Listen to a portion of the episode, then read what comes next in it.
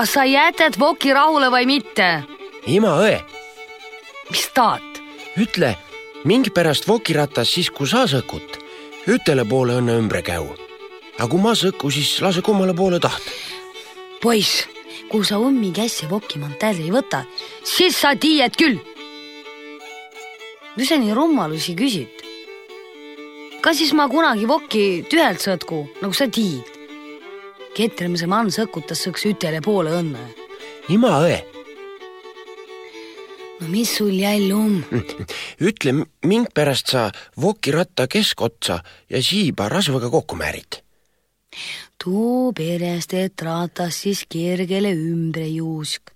ka vankrit määritades ka. no egas vankrid rasvaga ei määrita, nüüd määritas rattamääriga. tuua müts kõik. Vokki määritas alasi rasvaga. Ole õige, parem paiki, mul ei ole haigu, sukka tal lobist Ants sõtkus vokki kõigest jõust. suure vurinaga lendas ratas ümber ja viskas nööri pealt ära. ema, kes telgede taga istus ja kangast üles seadis, vaatas järsku üles ja ta pilk oli külm. soh, poig, mine nudu oma rogusk sisse. Kas ma sulle sada kõrdes ütlen, jäta vokk rahule?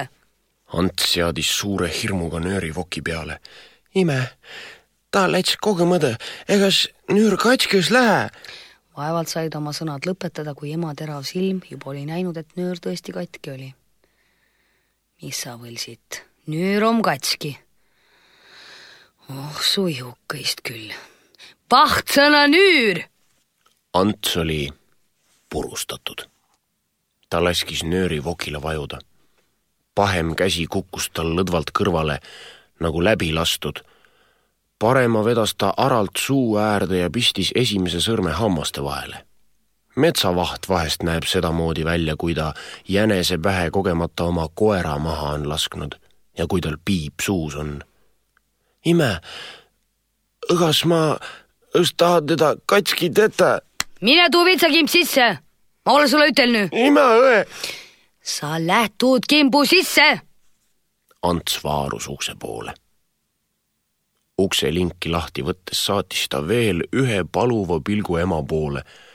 siis tõmbas ta ukse kinni. väledasti käisid ema sõrmed. masina kiirusega kiskusid nad üksikuid lõngakesi pilpa abil läbi suapidemete. oli teatav arv läbi tõmmatud, siis köideti sõlme ette. Juhtus aga, et mõnel lõnga otsal konks sees oli või et ta kuidagi muidu takistas, see hammustati katki hammustamise juures kostis iga kord ninast isesugust häält. tükk aega läks mööda. uks läks tasa paokile. Ants pigistas end tuppa ja jäi ukse juurde seisma. käes oli tal paar kuivanud oksa luua seest võetud. Paime, jäta mulle joogõrd andis. ma ei puutu kunagi vokki. mis sa tuust ussest kinni pead? tule lähemale tuu vitsa siia. Ants astus lähemale ja küünitas vitsakimbu ema kätte. kas ta mõni kimp on, poiss hm?? olgu peale. seekord ma ei jäta. ah kui sa innest viil liigutad, siis. Ähvardas ema ja pani vitsakimbu akna peale. Ants läks laua juurde, kiskus laua alt kolmejalgse pingi välja ja ronis sinna otsa. ima õe no mis sul jälle vaja um? ma tahan süve, anna mulle üks tükk leiba. tohoo, sõkka see, no sama sa sei. no võta sealt kapist väiksem šufli. Ants võttis laekast noa, läks kapi juurde ja lõikas pätsi otsast endale tüki leiba. Siis pani ta leivapätsi riiulile ja hakkas kapi mööda nuuskima. no poiss, mis sa seal nuhid? ime, luba, ma panen tsipakese võiduga peale oh sa täütmed luum, kus mul tuu võid om? üts nõkla otsa täis võidu, ese tule kodu, mis ma toole anna? ka et sa palju ei pane? ei pane, ime, ega sul enam vaarapiima ei ole, ah? kui siis, kas no puudus on või? mul on vaarapiimevabrik, ta, jah? oh su kruvi küll, mis sul pääsis ja lomma Ants määris võid leiva peale, pani kapi ukse kinni, ronis pingi otsa ja hakkas sööma. kus värsi jäi? aga midagi. Ants pani leiva lauale, tõusis püsti, pani käed kokku ja luges. kas on tsirgukesel muret, mist ja süü, kost ja saa, kast ja nälga kooles, tema luutaks luuja peale, kargas sääl ossa peal, rõõmsast nõstaks hääle. siis istus ta ruttu maha ja kahmas leivakannika kätte mahaistumise juures astus ta kogemata kassile, kes iga kord söömise ajal laual tolgendas jala peale. Ants sõi ja laskis vahetevahel kassile väikeseid leivaraasukesi laua alla. seejuures vehkles ta ise jalgadega. Ei tea, kas kogemata või meelega, ta lõi kassile jala otsaga vastu lõuga, see laskis haleda mäu. ema vaatas vihaselt poisi poole sa oled ka üks inimese loom. ega sul jala paigal ei püsi. no mis sa piinad vaest elajat? ime, õgas ma nimmes lüü. ah mine! sa oled va üleannetu poiss. Ants sõi leivatüki ära, tõusis püsti, pani käed kokku ja ütles kõva häälega. aituma taevasele leevakese ja võiukese eest. siis istus ta jälle pingile. ema töötas vahet pidamata vahetevahel ümises ta kirikulaulu viit. Ants võttis laualt noa, pigistas kahe sõrmega noa otsa vastu lauda ja liigutas teise käega noa pead. sedaviisi kõikus nuga vurinaga üles ja alla. kas tuu väit sul jälliinum? Oh su viguri küll, kas sa paned väitse ärg-? Ants pani noa lauale, tõukas ta enesest eemale teise laua äärde. ima õe. mine ütle, kunas esa tule kodu. kus siis ma tuu tiire või? kui nii kõrtsi sisse lähed, siis, siis, tule inne hüüd. ime, määrastu hoppenumm, mis esa laada peal vahit, kas te verrevumm vai? juba jälle, no kus ma tuu tiie, no vastiks verrevumm. a ime, mind pärast äh, esa kunagi varssa ei osta. ka peremeelum kats varssa tuu väikene varst siga um illus. kui te nurme pidi lask, siis um tal üks hand sälän. peremehel või mitu varsa olla. kus siis tuu terekene varsa saa? minge teatud varsa pede. ima õe. noh? ei tea, kas esa mulle saapid ka tuu vai. teaks lubasi tuua. olisiks hää küll, kui te tuusi üte paari vinne saapid oh, neid tahtmisi küll, mis sul umma. no minges tuu ese sulle neid tuu. hää, kui ta, kui ta paari tuugejõud osta, või veel saapid. kohis sa siis nende saabastega minema nakkad ah,? Üte paari verevitviine saapid ja üks võisi tuua. mul kõige parem vaike minema hakata. Ants tõusis püsti ja läks jälle voki juurde ime, ma võisi sulle ka puule aia, kui sa hummogu kangast kodama nakat. ma aja siis ka e, ütele poole õnne. Kagu on mul puuliaia jaum. Mii võta tellete alt otspult üles. tuu saate mul inne maaha. Ants ronis telgede alla. kui ta otspooli üles tõstis, lõi ta pea vastu telje tulpa ja hakkas pead kinni hoides nootsuma. oh su üleannetust kas sa ilosta ei mõista, ei ineb kävvü? tule siia, ma ka ei, kas pea katski ole? Ants ronis välja. ema soris juuksed läbi. ei ole midagi, oot-oot, ma puhka peale ka. Varsele valu, arakule alu, mustale tsirgule muu tõbi. minu poig ärg magale. Ants pühkis käisega silmi. ime mul on vaja veel väljaga minna, tule sa ka ütlen. kas sa siis ka mõni miis old, kui sa ütlen väljagi julgu minna? oot-oot, ma suuska viil paar kõrd, siis ma tulen. Ants käis emaga väljas ära. kui ta tuppa tuli, hakkas ta kohe end riidest lahti võtma. kuue riputas ta voodi tulba otsa, püksid toppis peaaluse koti alla, siis ronis ta voodisse. ima õe kas sa jääd ju magale? kui esa tule, siis aja minna ka üles. vaist jääks um saapatoonu kah. mis sa kõneled, kis tiid, kuna ise tule? Ants tõmbas teki üle pea. tükk aega läks mööda. Ima õe. poiss, kas sa viil ei maka? kirbupurõv. oh su pääluu küll. ei tea küll, mis sust saab. Ants pööras teisele küljele ja hakkas varsti norskama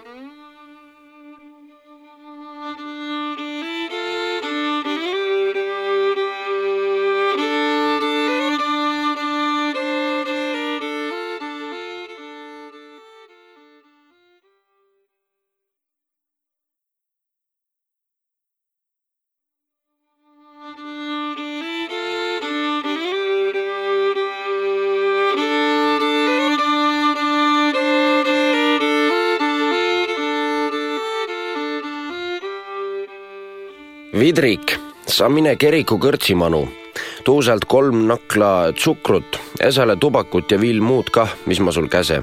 kutsu Jaan ka, ütlen. teavitas sul asju kanda ja katekesi um kerem kävvü. seda ei saanud mulle ema kahte korda ütelda. ka keegi teine ei oleks saanud. oleks vast vaevalt alata saanud. seni olid mul saapad jalas ja niikaua kui ema raha otsis oli suu pestud, pea siledaks soetud nagu laud, kuup seljas, müts käis kolm korda vastu uksepiita, tolm lendas välja, siis käisega üle ja poiss oli mundris. ime, anna mulle nõnarätti kah ja kos mu väitsum. ah, tuu jäi vana särgi karmanni. ema andis taskuräti, sidus raha räti otsa sisse. viis kopkast jääs üle, tuist osta hindale saia, anna sa poiss Jaanile kah. Küll ma anna ja uks käis kinni nagu vokk. paari sülla pikkuse sammuga olin alatarõ juures ja andsin käsu kätte. ruttu rõivile, mis sa vaid, kõrtsimanu, imelesk tsukrut tuua, esale tubakut raha jääs üle kah. Jaan toibus varsti ja oli peagi reisivalmis. riida eest võtsime kepi kaasa pinne jaoks ja meie astusime teele. esialgu rääkisime vähe, üksikuid sõnu Neid pildusime nii omaette suust välja ja vilistasime vahel sekka läbi hammaste. kepp käis käes otsapidi ikka üles ja alla. kobrulehel kõrv maha, hüüdis Jaan ja peksis tee ääres rohtu. sinilillel silm välle, naersin mina ja vihtusin rukist. jõudsime metsa äärde. tee läks läbi metsa. Meilt ei saanudki muidu kõrtsi juurde kui ikka läbi metsa ja metsas ei jõudnud ma kallist saladust enam kauemini kanda. puistasin välja. viis kopkast jääs üle. imekesk saia osta, Ami osta parem suitsu. suitsu, hõiskas Jaan, kargas püsti ja küünitas kepihoobi kuuse oksa pihta. terve pagi. jutt läks lahedamaks. tuju oli hea. Tee kadus jalgade eest mida lähemale jõudsime, seda tõsisemaks muutus kõne. panime koguni Visseri peremehe Vilja tähele, sõimasime karjapoissi, kes tee äärest kaera oli ära söötnud ja jõudsime sedaviisi õnnelikult äh, kõrtsi juurde. pood ja kõrts olid mõlemad ühe ja sellesama pika katuse all. aga kui tarvis minna oli, siis mindi ikka kõrtsi juurde.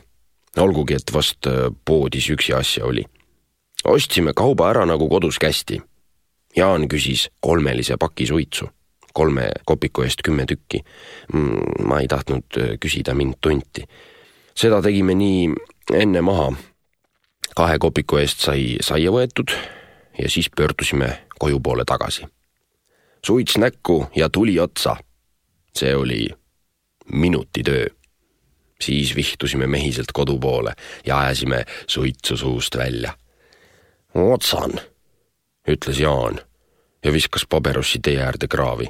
kui otsan, siis tõne nõnna, vastasin mina ja virutasin oma lutu kaugele tee äärde nurmele. verst ja suits, naersin mina ja pakkusin Jaanile uut suitsu. verst ja suits, irvitas Jaan vastu ja pani uue piibu põske. verst ja suits, suits ja verst.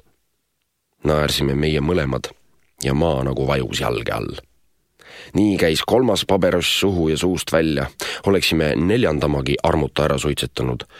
kui mitte Jaan seda tagasi ei oleks lükanud. Iirani peremees tund minnu ja seal oma kurja pini äh, vaja nuid kaia, ütles ta. lase olla tolle poole. Iiranilt saime õnnelikult mööda, kurja koeri ei olnud näha, kuid süda nagu oli veidi kuri. mul kisk südame ümber, ütles Jaan. Lähme tipa tassemba, mul oleks nagu narm südamemanne nagu kisussi äkki. Jaan jäi äkki seisma, kummutas end vähe ettepoole ja hakkas kurjasti oksendama. Mul läks süda teda nähes kurjaks ja ma hakkasin ühes oksendama. alles tüki aja järele toibusime jälle, süda läks lahedamaks ja aegamööda sammusime kodu poole. rääkisime vähe vahetasime ainult mõne tarviliku sõna, olime nagu väsinud. niisugune unetaoline väsimus kippus peale. kui koju jõudsime, juba murul olime, siis ma kuulsin, kuidas ema valjusti rääkis. kuulsin, kuidas alatarõst välja tuldi. kuulsin, kuidas kõik segamini karjusid. ujuh, poiskese oma purjun, kanaile vaja vallu anda. rohkem ma ei kuulnud. joodikul on raske uni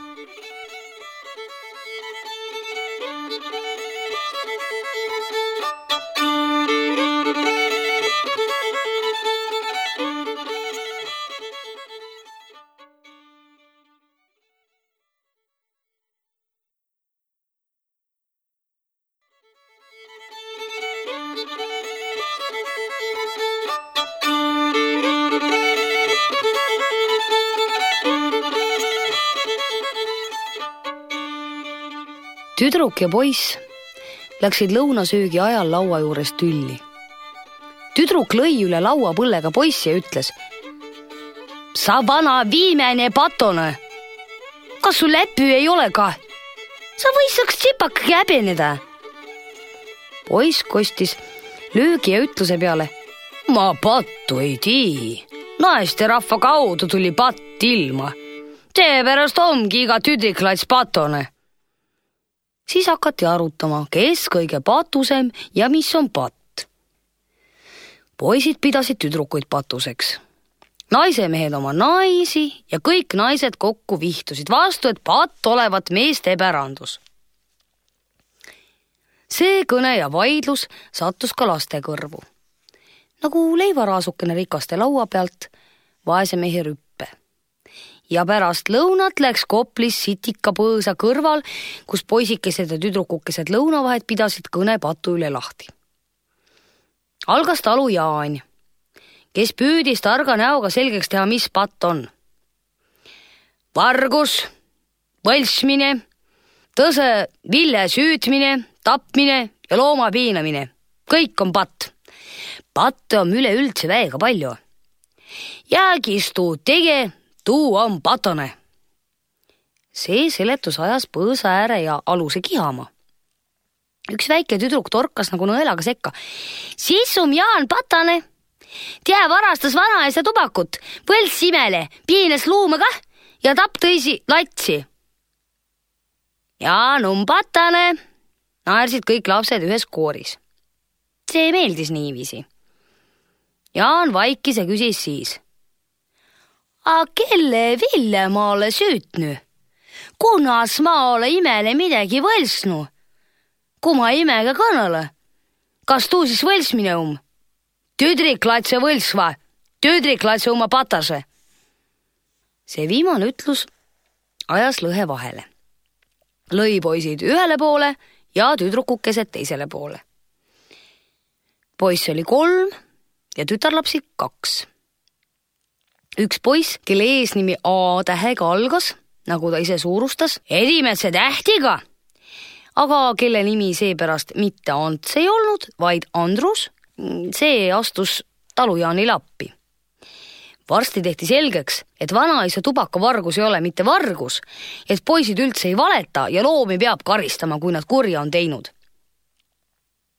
hakati otsima uusi patte ja neid leiti.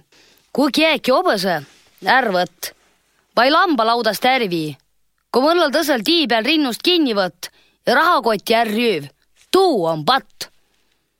patt peab suur olema. ja Andrus pani omalt poolt juurde, et pattud etes ine püsiõks üüse. seepeale küsis suurem tütarlaps. kas sinnu üüse pesti, kus sa ese karmanist viis tõistkümmend kopkat ärvarasti? Kas sa oled üü ajal? pattudetas päive ja üüse.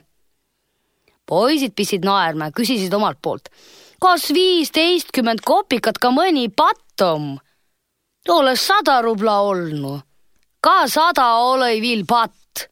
tuhandest naakas peale, ütles Jaan ja viskas peotäie maast nopitud heinu suuremale tütarlapsele vastu nägu. tüdruk pildus heinad tagasi ja nimetas Jaani vanaks patukotiks. jutt jäi harvemaks. nii nagu mõnikord enne unetulekut jutuga juhtub. palavus tegi liikmed ja kõnelemise raskeks. siis ütles Andrus, et tema kindlasti teadvat, mis patt on. aga ta ei tahtvat ütelda. teised hakkasid nuruma. no kui tead, siis ütle. poiss laskis tükk aega oodata ja seletas siis. patt on siis, kui suuri asju teetes. aga kui väikesi asju teetes, siis on süüdi. siis üteldas team söödud enne. aga kui ma põrra sulle lüü või varba suhvi pista, õõstu patt ei ole. ma olen siis süüdi. Jaan nihutas salamahti oma jala Andrusele lähemale, pani teisele suure varba otsapidi suhu ja ütles. ma olen süüdi enne. hüppas siis üles, sikutas vähemalt poissi alust ja kisendas. sa oled ka süüdlane. tüdrukukesed aimasid et kord võib ka nende kätte tulla. viskasid endid jalule ja lubasid ära minna imele kaibama, kui neid peaks keegi puudutama.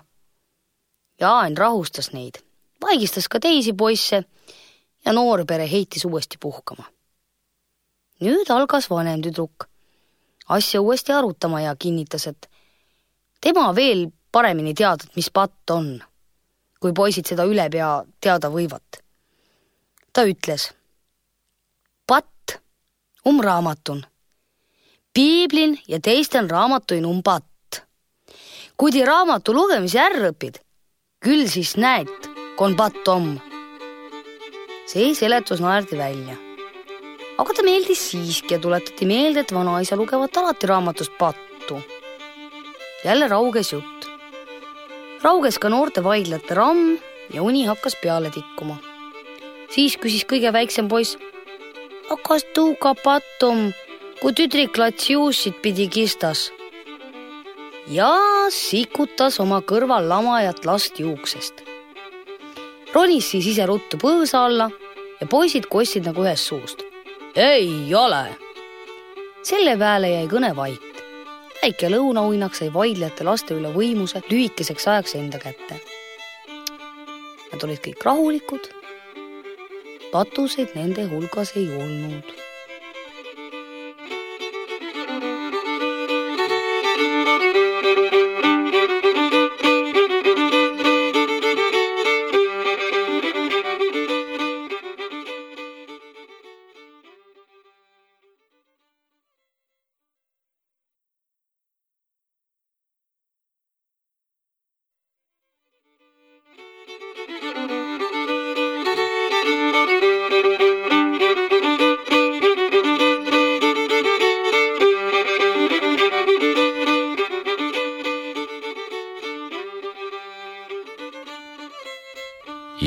Ostis kiriku juurest poest manniska, poti tinti, paberit ja kaks tuliuut sulge. kodus pani ta kõik need asjad hoolega kappi luku taha ja ootas parajat silmapilku, et Liisale võiks kirjutada. tal oli Liisale midagi ütelda, juba ammu tahtis ta seda teha, aga ikka tuli jälle midagi ette, mis teda takistas. mõnikord köhis ta juba häälegi puhtaks, aga see, mis tarvis ütelda oli, jäi ütlemata kuidas see nõnda välja tuli, on raske ära seletada. argus see olla ei võinud. Jaan ei olnud mitte arg ja või ta siis midagi kurja tahtis ütelda, et tal oli tarvis seda karta. ta ei saanud lihtsalt seda ütelda, mis ta tahtis. mispärast, seda ei jaksa keegi seletada. suusõnalikult ei saa, niisugusele otsusele jõudis Jaan. aa, kiri? selle õige mõtte peale tuli ta ühel laupäeva õhtul, kohe peale sauna. kirjaga, see on kõige õigem. Kõik võid ära ütelda, mis sa tahad ja endal ei olegi tarvis sugugi seal juures olla, kui sinu kirja loetakse. jaanipäeval, kui kõik majarahvas kabelijutlusele läks, jäi Jaan koju. ta pani pühapäevariided selga, maniska kaela, võttis kapist kirjutusnõud välja ja hakkas tööle. armas kallis Liisa, nõnda oleks ta kõige parema meelega tahtnud peale hakata, aga sedaviisi ei või. sedaviisi võid kirja lõpule ütelda. Pealkiri peab teisiti olema avvustetu neiu Liisa Tšijun. nõnda peab peale hakkama, see on õige. Jaan kuivatas higised käed pükste küljes ära ja võttis sulepea pihku. nagu nõiakäsul ilmusid suured mustad ratsatähed valge paberi peale. tähtedest said sõnad, sõnadest laused, lausetest kiri avvustetu neiu Liisa Tsiiun, siin tulen teid selle sinadse kirjaga tervitama ilma silma nägemalda ja käe andmalda, ärge pange pahas. meil oli teile midagi ütelda, aga ei olnud mitte võimalik, suusõnalikult ei saanud seda ära õienda. avulinu neiu Liisa, et ärge uske Salumäe Mihklit, ärge uske Mihkli juttu, time võlss.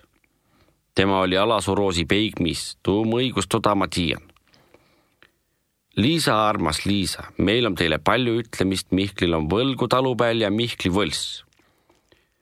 kadunu esemas sinna surma kõik mõisavõlad kinni ja mul on ütesateistkümne aadrit suur talu, ka tegi kadunu ese palju maadmanu, mida kontrahtil ei ole. Liisa, kui te pahandusesse ei pane, siis ma ütlen sulle, mispärast ma seda kirja kirjutan, mis minna juba ammu piinas. ma palun teid inesele abikaasas mul on perenaist tarvis ja ma võin iga kord naist võtta. armas Liisu, usu seda, see on minu palve, ma armastan teid süämest. keegi ei või sinna nii armastada, nagu mina armastan Liisa, ma olles sulle seda ka sõnalikult võinud ütelda, aga ma ei julgu. kui sa usu ja tead, kui muidu ma sind armastan, kallis Liisa, usu seda Liisakas on silmas ja las mind vaadata, Liisa, kuule mind, sa oled minu armas lind suured higipisarad seisid Jaanil otsa ees. ta pani kirja laua peale ja luges viimaseid sõnu kõvasti enesele ette. Liisa, kuule mind, sa oled minu armas lind, sea peesi üks salm tulema, päris illos laulusalm, ütles ta ja tõusis püsti ja hakkas mööda tuba edasi-tagasi käima. tal ei tulnud peale Kungla rahva midagi meelde. ta otsis kapist rahvalauliku ja soris selle läbi. Liisa nimelist ei olnud rahvalaulikus ta istus jälle laua juurde ja võttis sule kätte. armas kallis Liisa, kirjutas ta edasi. sulgse hakkas kirjutamise juures nii oigavalt inisema, ta vast väsis ära. armas kallis Liisa ja selle kirja viia on meie karjapoiss Hendrik. ma palus ka vastust veel tämba õdagus avvustut neiu Liisa, mu palve on, et sa minu armas naases ja armastan teid ja et ma teid hoidma nagu seda roosilillekest sa oled minu illus verev roosilill. ärge jätke minule vastust saatmata, armas kallis Liisa. Teie truu peigmees Jaan Susi, peremees. Jaan lõpetas kirja ja pühkis higi otsa eest, siis võttis ta ümbriku ja kirjutas aadressi peale. avvustetu neiu Liisa Tsiiun. ümbriku alumise ääre peale kirjutas ta. Viiam karjapoiss Hendrik, ma palun vastust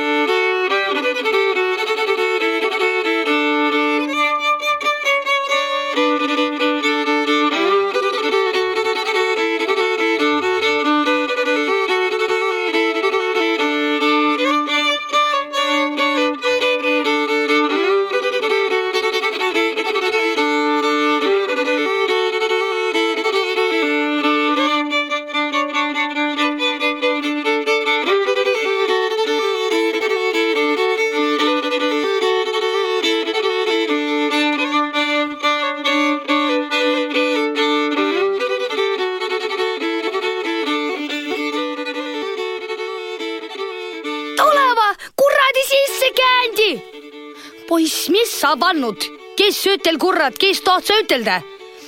kes ütle käeki, külalise tuleva, kattehobusega käidi sisse, ime, tule välja, sul on maja varsti võõraid täis. ema ilmus uksele, vaatas tõsise läbitungiva pilguga suurde poole ja ütles oh sa kallis saig, külelise juba man, poisi, meesti viil vahid vii kärru oma loguski usse eest. mitu kõrd ma ole teile kõnelnud, et ei tohi pannu vankri lokse muud prahti läbi ette kanda. kas jää kullasse? emal oli luud juba käes. paari kaarega oli majaesine puhas. poisid visati mõne sõnaga kohtadele nagu soldatid üks tassis köögist üleliigseid asju sahvrisse, teine vihtus toas kordajalule. kaks neid oligi kodus, kattis voodeid kinni. kraamis laualt tasse, topse ja söögiaineid kappi, pühkis käega korra paar üle laua ja laud oligi puhas. kõik, mis põrandal ülearust oli, läks otsemat teed voodi alla. sinna läks ka isa poolkasukas, mis õieti asjata suve läbi toas vedeles ema tahtis mitu korda ära üle starri peale viia, aga isa ajas ikka vastu. mis sa kisud mu kaskat? ummukult kui kaste maalum, pane ma kasku selge. ja isa käis tõepoolest hommikul vara kasukaga, aga jalgu ta ei pannud kinni. Ema jõudis oma puhastuse teekäigul tuppa enne sai see poiss, kes kööki haris oma jao, siis noomiti seda, kes korraldas sisemisi ruume oh te veemätse küll. no mis te sellest tennu? nüüd on köögilt seasöögi ümber ajanud. Tõni on põrmadu leevetükke ja silgipäid täis pillunud. mis sa taast piimest oled maha kallanud tuuluud? poiss tõi luua ja ema viilis mõne löögiga edetoa üle. ka voodi alla juhtis osav käsi luuaga sealt tulid avalikuks mitmesugused varandused. saapapaarid, üleliigsed püksid, kirves, isa poolkasukas ja veel mõned väiksemad väärtused. kas ma sul sängu alla käsksin asju panda, oh sa siga! tead, äkki mul vabriku sängu alla? Et äkki oled sa ka risti laotanud, no mis sa põrstaga tiid? poiss ei kuulnud enam ema sõnu, ta oli tagatubades ametis kui ta aga kuulis, ei võtnud ta kõike, mis öeldi südamesse. tal oli väga vähe aega. juba Värtemann, karjus see poiss, kes kööki korraldas. ime, tule välja, mine sa vasta, ma ei lähe. emal oli puhas põll ees. veel andis ta poegadele paar käsku ja siis läks külalistele vastu. Üks poegadest pidi välja minema, isa ja vanem õe töö juurest koju kutsuma. teine sai ülesandeks end vähe koristada ja siis külalistele vastu tulla et sa maaha ei vahi nagu mõni salakütt. kahe sa silme, kui teretad, ütles ema, kui ta uksest välja läks. seda jõudis kõik ära öelda ja ära teha. toaesine oli puhas, toad korras. võõrad võisid tulla. Poisid kadusid läbi akna metsa. see oli mu kodus üks tänuväärt asi, et mets oli lähedal. nelikümmend viis sammu värava juurest metsani sinna pääsid kerge vaevaga. kui oli külaline tulemas või mõni suurem kodune hädaoht liginemas, sealt ei saadud kätte. kui kõht tühjaks läks, tulid ise koju, aga kinni püüda end ei lasknud. isa sai käsu, õde sai käsu ruttu koju tulla. Ka poistele anti kõva käsk uute ülesannete jaoks, kui nad oma isa majasse tagasi pöördusid ja ema nad kätte sai noorem pidi karja juurde minema karjapoisi koju saatma ja ise seni selle mehe kohuseid täitma. vanemale tehti ülesandeks kanu hakata kinni püüdma, et neist vähemalt paar noort kukke ära hukata külalistele roaks. oli lina kitkumise aeg. noored kuked parajas eas ja külalised olid päris tõsised ja haruldased. kaupmees kiriku juurest oma perega ja nende suvitajad ka ühes olid tulnud meile seenele. paar päeva varemalt sadas peent seenevihma ja neil kohe aru peas, et lähme muudkui seenele. ja kas peenikesed inimesed sellest küsijate alust kibe töö käsil on? Olid teised siis korjanud ka tubli korvitäie seeni ja meilt mindi veel metsa uue saagi peale. karjapoiss tuli koju. ja meie algasime kanajahti. see on kõige hullem asi, kui sa kanu pead jala pealt kinni püüdma. esiteks pistavad nad täiest kõrist karjuma. E, ka need, keda ei tahetagi tappa. ja teiseks panevad nad kõik jooksu. kanu saab kerge vaevaga õrrelt kätte, kui nad tudivad. Meil ei olnud aega oodata seni, kuni kanad magama lähevad ja egas noored kuked olegi une peale nii maiad. luusivad kõige viimastena ringi, otsivad teri või norivad üksteisega tüli, ka siis veel, kui vanad kanad ammu on õrrel. tegime noad teravaks. mul oli poolik lauanuga, see lõikas hästi. ma arvan, et igas talus on niisugune poolik nuga. vähemalt mina olen küll mitmes kohas näinud. ja karjapoisil oli oma taskuväits. Nii terav, et aja kas või habet surmariistad pistsime tasku ja alustasime võidujooksu. kanad ees, meie taga. kanad rehe juurde, meie järele. kanad üle aia kapsaaeda, meie ka üle aia. ühe ajasime viimaks karjakotta ja seal püüdsime kuuega kinni. seda tehakse väga lihtsalt, kuub seljast maha ja kukele peale.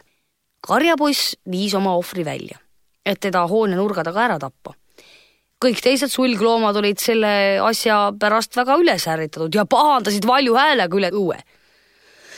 Nad tahtsid kuulutada kõigile majarahvale, mida poisid teevad. kas see kellegi töö on? karjapoiss surus oma ohvri jalge vahele ja hakkas lõikama. ega kukk rabeles lahti, pistis jooksma. küll oli kole. verise kaelaga tormas ta otse elumaja poole ja sel silmapilgul tulid külalised uksest välja. ja pidid metsa minema veel seeni vaatama. ja kukk neile vastu. karjapoiss oli ka nii tulivihane, et näitas jooksikule rusikat järele ja hüüdis. ma löön su surnus, kui ma su kätte saa. seisukord oli tõepoolest raske. kaupmees oli vana naljamees ja tegi märkuse poisi, ei saa kikaster tappa. rohkem ei kuulnud. seltskond läks väravast välja, metsateed ja meie jätkasime oma ülekohtust tegevust. küll saime ema käest, õe käest ja pärast kogu majarahva käest. röövliteks sõimati meid, kes olevat kanu taga ajanud, kanavarasteks, kes kogu maja oma kisaga olevat täitnud. no katte versta peale on rüükmine küll kuulda ütles üks poisikese ohtu poiss, kes esimest suve töös oli ja suvi enne seda veel karjas käis. igaüks suurustas, kuidas ta oleks kana vagaks teinud kõige kergema vaevaga. vastaks oll, kümne versta peale kuulda, vastasime meie. aga kui sinu takka naetas, kus sa röögid, siis on kuulda seitsme penikuurma peale. külalised tulid metsast tagasi, sõid kanapraadi kaste oli heast paksust koorest. laua juures ei räägitud kisast ja kärast, millest omad inimesed teadsid nii palju jutustada. kanade karjumist ei olnud võõraste kõrvu kostnud. või kui oli, siis vaikisid nad selle surnuks. aga meil tuli läbi teha kõik kohustused võõraste vastu. mitte üksi toidu kinnipüüdmine ei olnud ainuke kohustus, oli ka teisi. ja kõik läks hästi teretamine, otsa vaatamine, jutustamine, võõraste hobuste toomine ukse ette. see sündis kõik täpselt. oli juba hilja õhtul, kui külalised lahkusid. kanaprae lõpetasime meie.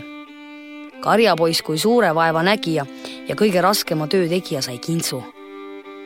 poiss näris kui orav oma tüki luuni välja ja kui temalt küsiti, kus sul kikas välja pässi katskise kaalaga juuskma pand, naeris poiss vastu. kätte sai. ise pühkis keelega sõrmi rasvast puhtaks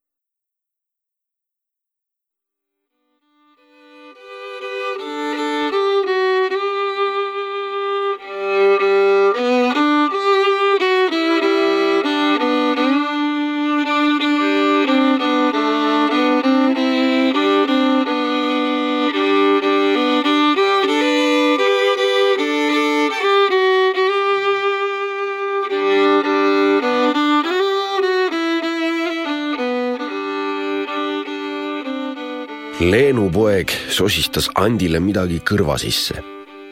Andi tegi rõõmsa näo, kutsus Jaani kõrvale ja ütles Jaanile niisamuti midagi kõrva sisse. lõuna vahel astuti talli peale nõupidamisele kokku. ma löödse kronksu pese, algas Leenu poeg. Nakre saare sööduveerel, korga pedaja otsan. nii korget pedajat ei ole tii nännüki Altum pettei päris lakkõ, mitte üt ossagi. Kronks tegi õks pesa korgõle puuht. tea on väega kavval. pealtkuulajad raputasid pead.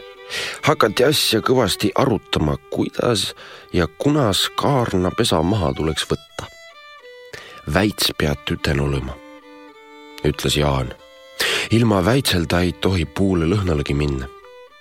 ka näid vanaisa seletas, kui näid, neil üks karjapoiss oli olnud, Jukk. tuu oli julge poiss olnud ja hästi ronni mõistunu. tuu oli roninu kronksu pesele manu külh, a nüüd ja oli tahtunu kronksu poiga kinni võtta. nii vana kronks linnanu üllest, õkva pää kotsilt maha ja löönu silme pääst välja. tuu poiss oli jäänud üte silmaga, et ja oleks puu otsast veel maha kah sadanud vanaisa seletas. Tuu oli kah hirmus korge petta ei olnud, nii korget pedajat põra enam ei olegi. väits pead käeh olema, kiitis Andi. aga ega väitsega viil midagi ei saa, tuuts, sead õpetav tuuts, siis tied nii. ka täl oma suure kannuse. tied nuidega lüü. A vanaisa ütel, arutas Jaan et õga tuu ei olevgi hää, kui tsirgupessa lahutas. tsirgupessa ei tohtevgi lahku, kui õnneni muidu näte saassi. Leenu poeg hakkas naerma. kus sa siis muidu näte saad?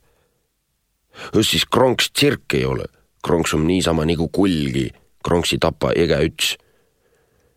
kronks ei ole tsirk, kronksu pessa võit lahku, kronks, kronks, kronksikõni, trallitasid poisid. jõuti otsusele pühapäeva lõuna vahel kronksupesa ära lõhkuda. noored kronksud koju tuua ja vanale kronksule, kui see oma nägu juhtuks näitama, ots peale teha. päike põletas armuta, kui poisid pühapäeva lõuna vahel metsa poole sammusid. terve loodus hõõgus kuuma. linnu oli vait ja tuuleõhk ei liigutanud puulehte. mehed olid lahinguriietes Leenu poeg oli endale sea tapmise noa nööriga mõõga moodi üle õla riputanud. Jaanil ja Andil oli mõlemail malk käes. Leenu poeg oli kõige suurem poiss ja võttis väga pikad sammud. Jaan Andiga pidid ühte ohku sörkima, et mitte maha jääda. metsas oli väike lagendik, Nakr saare sööt. üle lagendiku, teisel pool ääres, seisis sirge lage mänd nagu preili vihmavarju moodi ladvaga. kui poisid puu alla jõudsid, kamandas Leenu poeg tüühve, poisi tüühve ja sülitas endale pihku. Jaan ja Andi astusid sammu kolm puust eemale ja pigistasid nuiade löömiseks kõvasti pihku. Leenu poeg hakkas ronima. kuivanud oksajupike, millele ta ronimisel toetas, murdus ragisedes katki. Jaan Andiga jahmatasid puhka kah, puhka, tsipa, hõikasid nad alt. eh, eh. äkki suur kohin kuskilt kõrvalt lõi poisid nagu elektriga läbi. ka kah kronks, vana kronks, tsiga, karjusid mõlemad korraga. vuhisedes lendas suur must lind üle poiste peade. uus kohin just selja taga teine kaaren lendas aegamööda üle lagendiku esimesele järele Tõni Kronks. poisid hüppasid puu alla. tule maha puu otsast, tule maha, karjus Andi. Kronks, tšaun sul silma välja, küll sa siis näed. Jaan, läke är kodu, ka vanaisa ütel, et pühapäeva lõuna aegu ei tohi mõtse minna. mis te pelgate, ärge pelläkõ, hüüdis Leenu poig ja ronis ülespoole. küll sa näid, kostis Andi. Neid tule viil, ära sa mõtelgu nii, nii lätsi tõisele perre kronk-strank, karjus Leenu poeg. poistel puu all käis uus värin läbi. Jaan hakkas nuiaga vastu puud peksma. kronks, trank, vana kronks. Andi lõi silmad üles. kõrgel pea kohal liugles suur must ronk. kronksu tulõva, karjus ta ja pistis jooksma. Andi, Andi, kisendas Jaan, virutas nuia maha ja valas tagantjärele. Kõik mets oli hirmu täis. poisi, pedage kinni, Andi, Jaan, kosti joosõt karjus lennupoeg ja laskis end kähku mööda puud alla, seejuures kriimustas ta lõua otsa katki. verise lõuaga lippas ta teistele järele. kodus sõimas ta Andit ja Jaani jänespüksteks. mis üldse jänespüks, mis sa ärt tullit? Sul oli tuud süten, õgas kronks sinnu ei olõs puttunu, tea lõkva mii pääkotsil. andsid Jaan Andiga talle tagasi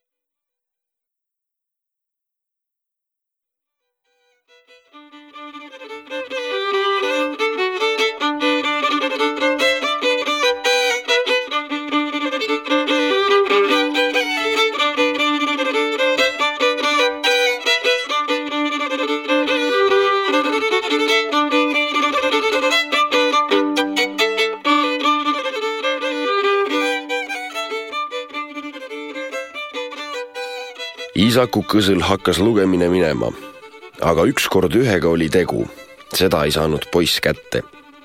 isa lubas ise õpetama hakata ja ütles, et kuis sa siis tuud ei saa.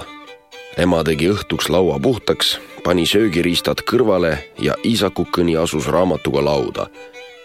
ükskord üks oli viimase lehekülje peal, seda poiss teadis ja lõi iga kord raamatu kohe tagant lahti, ilma et seespoolt enne oleks lehitsenud ka isa võttis asjaliku valgega laua otsas istet.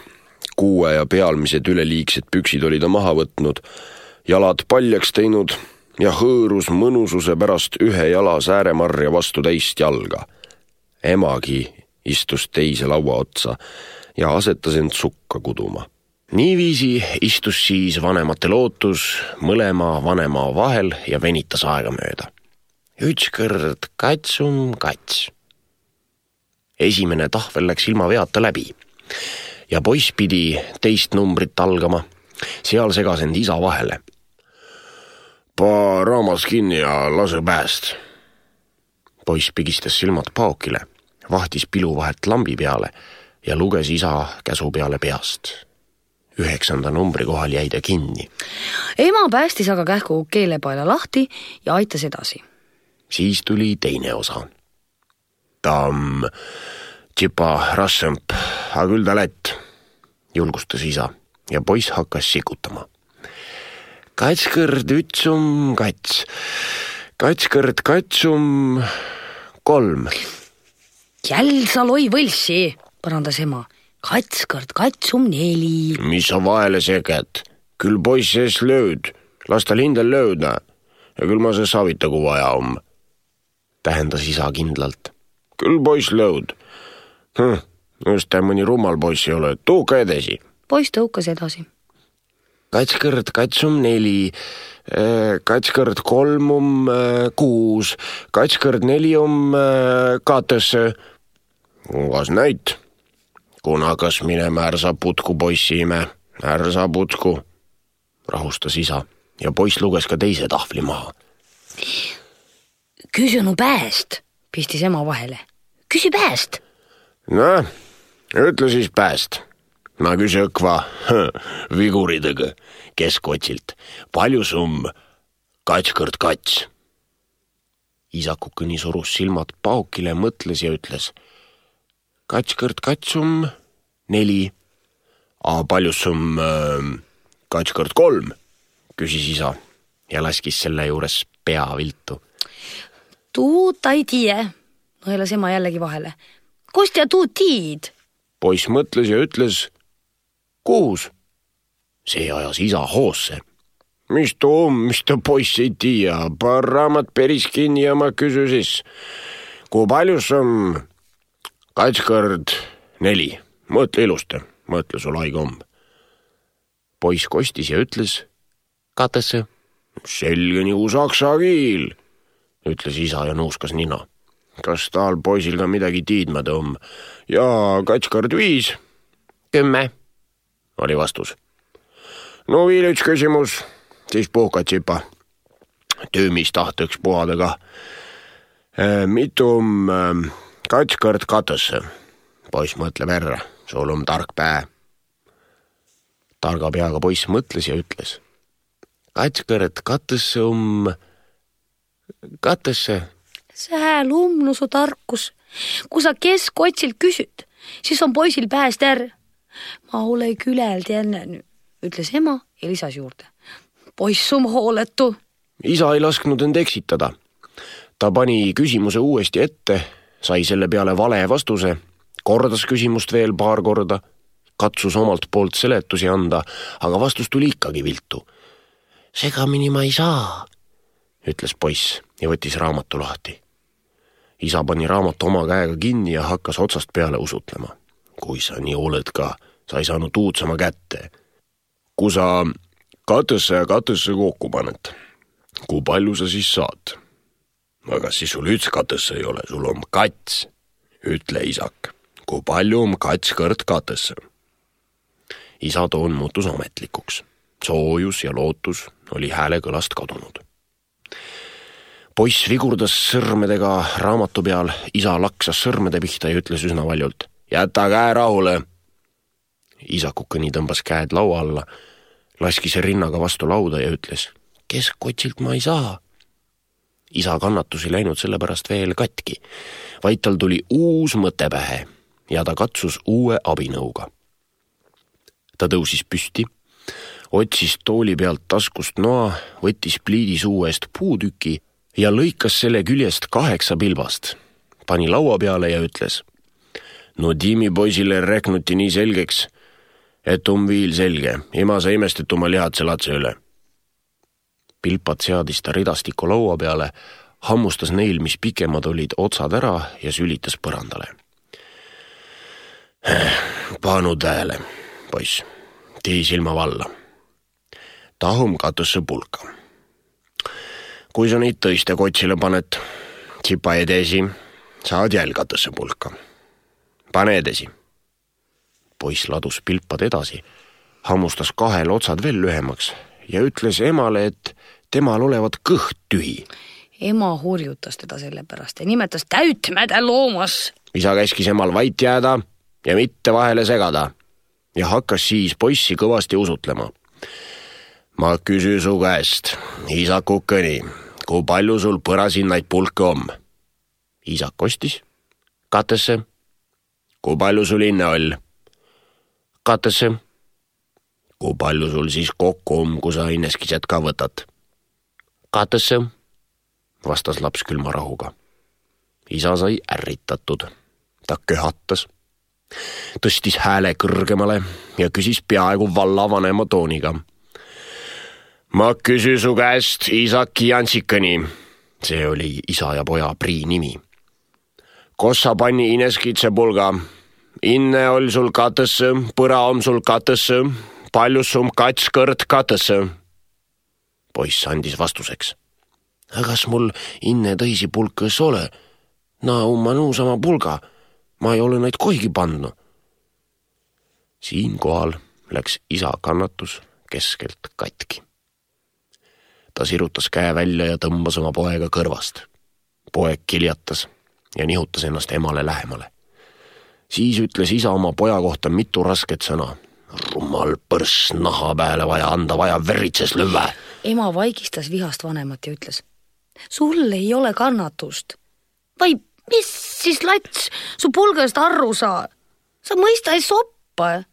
see oli petrooleum vihale isa kärgatas rusikaga vastu lauda lüües. käu nukka, rumal poiskõni, nukanum su paik, õkvalt nukka.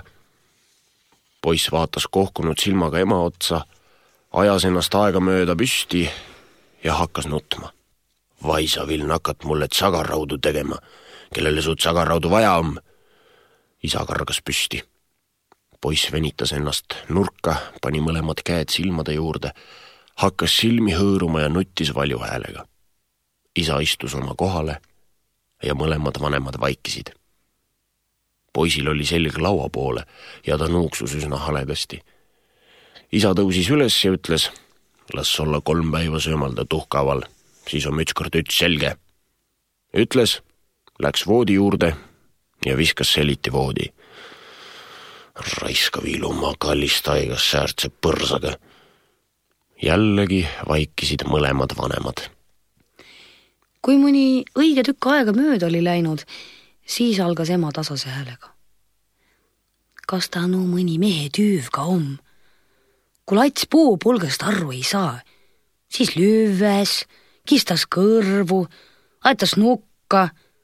kas ta mehe tüüv on? ei ole sul mehekene kannatust. mees ei vastanud midagi. Mõlema käe sõrmedega lõi ta kõhu peale trummi, mängis nagu mõnda pilli ja vahtis lakke. ema nokitses sukka ja kõneles edasi. kui kaua ta latsis, ta on saisma pidanud, kas poole ööni või? ja mis te siis kurja on teinud? las saista, ei ole midagi kurja teinud, ütles voodis lamaja peene häälega. sul on kerge ütelda, las saista. Kui sinna suurt inimest panda saisma, kas sul jala ärr ei väsi või? no siis kutsu välja, saada magama, anna süüa, too vett, anna juua, kütsa kuuke, too külast saia, pilkas isa voodist. ema jäi rahulikuks ja rääkis edasi lats on veel noor ja tea ei saa veel kõigest aru. küll ta õppis, tal ju haigu on. tule poeg, lähme katukest edasi, las ise ka kullas. poiss pööras end ümber, vahtis altkulmu voodi poole, tõmbas viimseid nutuhooge tagasi ja läks ema juurde. ema pühkis pöidla tüve poolega üle põskede ja küsis. kas süüa ka tahad? poiss nõudis leiba ja vahtis üle õla isa poole. isa jäi seliti ja jäi vait, inises nagu midagi enda ette ja ei seganud ennast sõnagagi ema ja poja vahekorrasse. See muutus ikka sõbralikumaks. leib ja või lepitas ema ja lapse täielikult. hakka no jälle lugema, hakka otsast peale, seletas ema. ja poiss asus uuesti lauda, sõi ühest käest leiba ja teisega lehitses raamatut täie suuga hakkas ta lugema. üks kord üks, üks, üks kord kats, kats. isa vaikis ja kui poiss aegamööda sinnamaale jõudis, kus ta enne nii raskesti komistas, siis kuuldus voodist tasast norskamist. isa oli väsinud. aga ema ja laps veel mitte. Need on suured sõbrad ja ei väsi niipea. ka üks kord üks ei suuda väsinuks teha